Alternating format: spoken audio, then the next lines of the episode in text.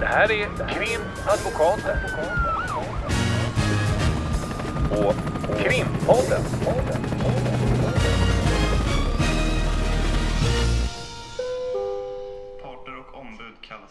32. Hej Lotta, idag är det ju eh, hängmattedags. Det är det. Hej Ulrika! Jag Hej, hej. inte med där. Vi är så här taggade. Nu ska vi prata Nu ska vi prata hängmattor. Sommarhängmatta. Precis, Ja. du hade ju ett tips eh, om vi kör lite roman, lite tv-serier, lite dokumentärer på radio, lite eh, så. Så du hade en... Jag hade eh, ett tips. Jag vill bara säga också, det här är ju vår eh, återkommande. En gång i halvåret har vi lite tips. Mhm. För de som eh, nu eh, står inför ett nytt avsnitt och har precis upptäckt oss.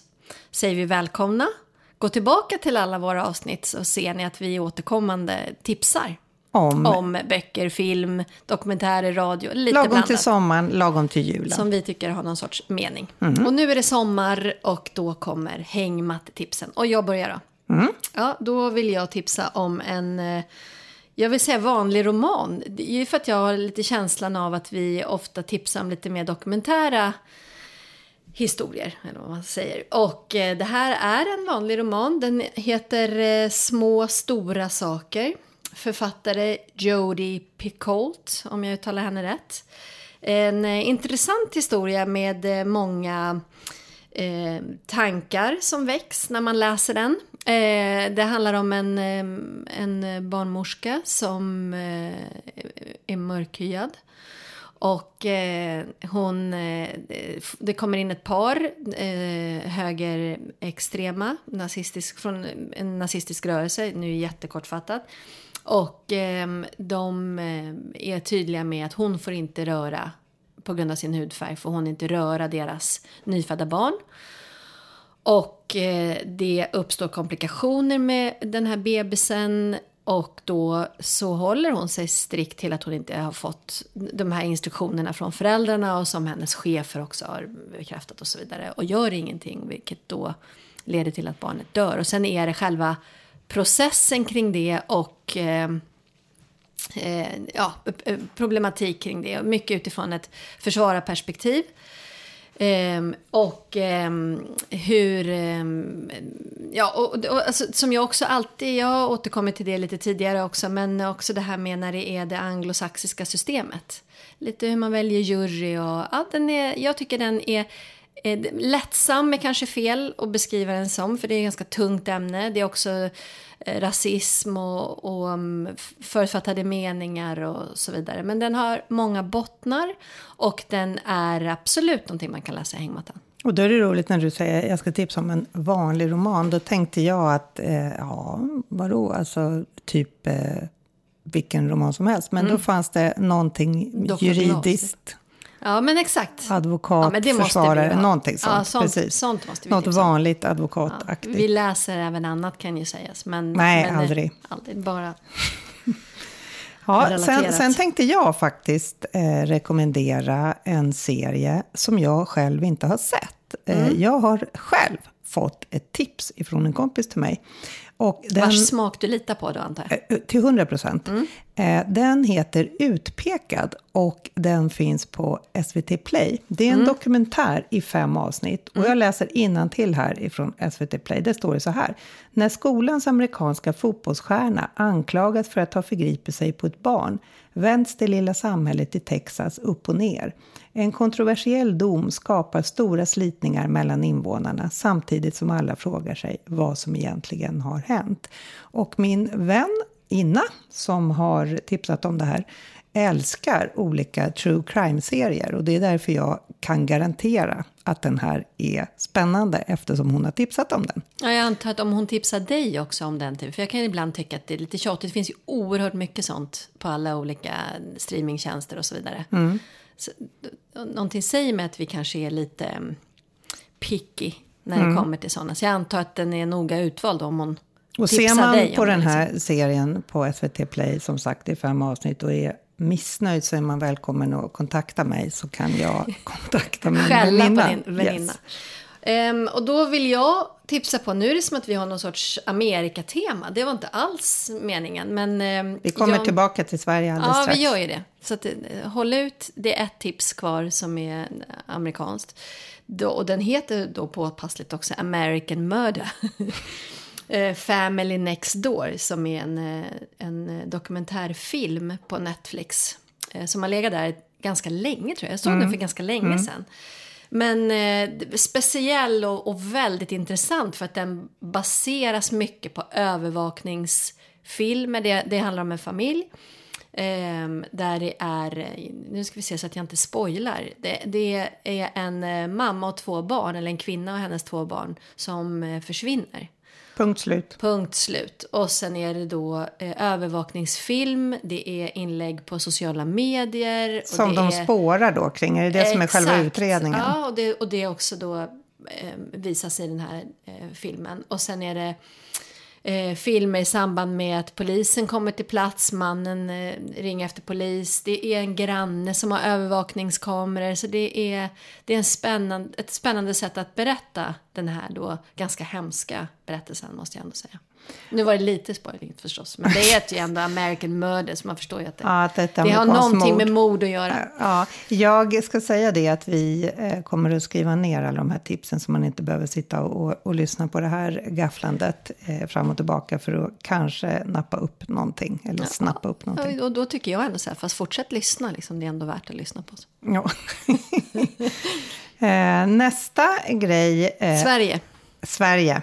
Eh, Stockholm, eh, Stureplan. Mm. Eh, I veckan kommer det en ny P3. 1994, förlåt. Måste Precis. I veckan, den här veckan kommer en ny P3-dokumentär som handlar om Stureplansmorden som Mm. skedde 1994. 4 december. Yes, det var ju fyra personer inblandade i det som hände vid den krogen där, eller nattklubben eller vad man ska kalla den, Sturekompaniet. Där man sköt rakt in i, i kön och det var fyra personer som dog och 20 personer som, som skadades och fördes till sjukhus. Eh, den, eh, som sagt, är på P3 eh, Dokumentär och den har nu lanserats den här veckan. Intressant att den kommer just nu också. För att En- Ja, men alltså att det är ny. Det är de här vissa mord som ständigt återkommer i olika typer av dokumentärer. Mm. Men det har ju gått, det har gått ganska lång tid. Eh, så att det, det, det är väl 94, så det är ju jättelänge sedan. Även om det känns som det var igår. Beroende på hur gammal man är. På tal om 94, om du var klar med, den, Mm. med det tipset, så finns det på eh, en, en podd, Svenska mordhistorier. Där har man gått in på ett annat uppmärksammat mord, massmord, eh, som skedde 11 juni 1994. Jag är så datumfixerad. Eh, Mattias Ja, Flink-skjutningen, det. där eh, sju personer sköts ihjäl i Falun. Också intressant eh, och lyssningsvärd. Sen om vi eh, åker då lite söderut från Stockholm. Hamnar i Malexander. Så eh, finns det på P1 Dokumentär. Allt det här är ju, kallas ju numera för podd. Eh, man går in på P1 Dokumentär på SR-appen.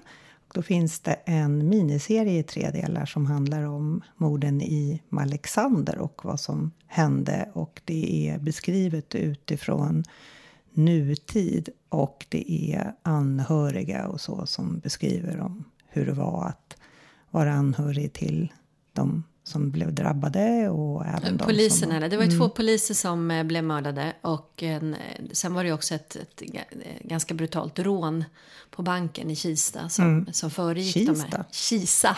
Kisa. Ja. Och då är det också eh, anhöriga, anhöriga även till de som eh, var inblandade som, som dömdes. Då.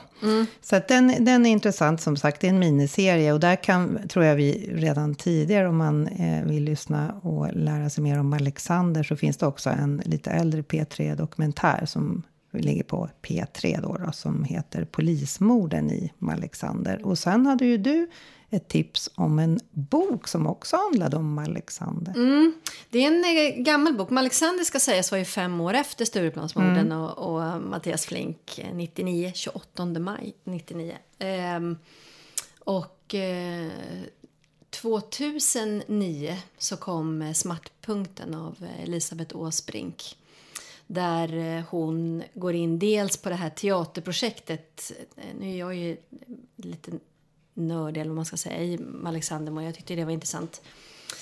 Du var där och ja, jag var tittade där på, på rättegångarna och så, och så mm. på den tiden som det gick. Både pluggade du då? Tänks, ja, jag pluggade då. Och sen var jag också med, det kan jag också tipsa på, jag vet inte ens om man kan hitta den nu för tiden. Jag var med i, Folke Rydén gjorde en dokumentär utifrån brottsofferperspektivet, också anhöriga eh, som man hörde. Och också eh, lite kring eh, teorin om då vem som som var den som sköt mm. eller hur det på riktigt gick till eftersom det under ganska lång tid var en, flera teorier om vem det var som hade just ut, eh, gjort de här dödande skotten. Då. Och där, den dokumentären, som ju blev också en eh, mer dokumentärfilm, den kom 2003 kanske, jag kan minnas fel. Men den var jag med i också, så mm därav att jag eh, är kanske lite extra insatt. Men på den tiden så läste jag inte den här eh, boken då, Smärtpunkten. Och eh, det som också var intressant med Alexander var ju att det föregicks av ett teaterprojekt. Eh, Lars Norén som eh, hade en, en pjäs 7-3 där tre ehm, interner var på scen. Och mm. som då sista föreställningen av den här turnén eller vad man ska säga. Där de då fick eh, spela teater utanför anstalten. Eh, den skedde dagen innan, så den 27 maj 99. Och så avvek de? Sen var det, precis, och då hade man ju fått permission då. Och sen så åkte man, så det var under en permission. Men man åkte alltså permission till, för att spela teatern? Ja, och, sen och det var ju åkte... en av de här eh, tre då, som sen var med i Alexander. Eh, som var med i den här pjäsen. Mm. Eh, som eh, dagen efter åkte till Kisa med två kumpaner. Handlar den här smärtpunkten om, om det, det, så det är både Alexander, vad som händer där, och även ja, den här 7-3-föreställningen? Ja, men exakt. Och frågeställningar kring det och att man lät de här tre prata om sina ganska högerextrema åsikter egentligen okommenterat på scenen. Mm. Och eh, ja, med reflektioner kring det och att, att olika aktörer, både eh, Lars Norén som ju då var i blåsväder men den som kanske mest var i blåsväder på den tiden var Isa Stenberg som var producent av den här mm. teaterföreställningen. Så det är reflektioner utifrån det och sen det som hände och andra frågeställningar. Också med många bottnar. Absolut läsvärd. Elisabeth Åsbrink. Mm. Japp, sen hade vi nästa grej och då, då var vi så här, men vi skulle ju kunna tipsa om någon helt vanlig spelfilm, något modernt. Mm. Och då hittade vi en film som vi har sett som är väldigt bra, eh, som är från 1961. Mm, supermodernt. Mm. och den handlar om 1947. För den handlar om Nürnbergrättegången efter andra världskriget. Och där är det då eh, kända skådespelare med som man känner lite som att ens, ens mamma och pappa pratar om. Det är nämligen Burt Lancaster och Spencer Tracy bland annat som är med i den här filmen. Eh, och den, eh, den är, är sevärd. Eh, det är intressant att, att titta på eh, ja, hur det gick till och, och vad som hände i, i de här Nürnbergrättegångarna. Och den som sagt heter Dom i Nürnberg och eh, den är från 1961. Hur Sen får man tag på den då? Sa Ja, då får man nog... Eh, det, så det går att den hitta ligger inte uppe liksom på någon Nej, inte på... Jag såg att den fanns på SF Anytime. Det är mycket mm. möjligt att den finns någon annanstans. Det är en gammal film så den borde man ju kunna hitta mm. någonstans. Och, och att hyra eller att titta på, typ Youtube, jag vet inte, men mm. den går att hitta. Mm. Eh, och då eh, när vi pratade om moderna filmer och Nürnberg så tänkte jag att vi också skulle tipsa om eh, den här dokumentären som ligger på SVT Play som vi redan har tipsat om som heter Ondskans åklagare. Det är en mm. dokumentärfilm som handlar om en av de yngsta åklagarna i Nürnbergrättegångarna som numera är över 90 år. Jag tror till och med han möjligen är avliden. Men när den här spelades in så var han ja, närmare 100 år. Den är, är en, en väldigt intressant dokumentär om den som då kallas för ondskans åklagare, nämligen eh, en av åklagarna i Nürnbergprocessen. Ja, men väldigt sevärd. Play. De som inte har sett den, eh, det är också spännande nya, alltså tycker jag i alla fall, bilder som skildrar mm. hela på ett nytt sätt.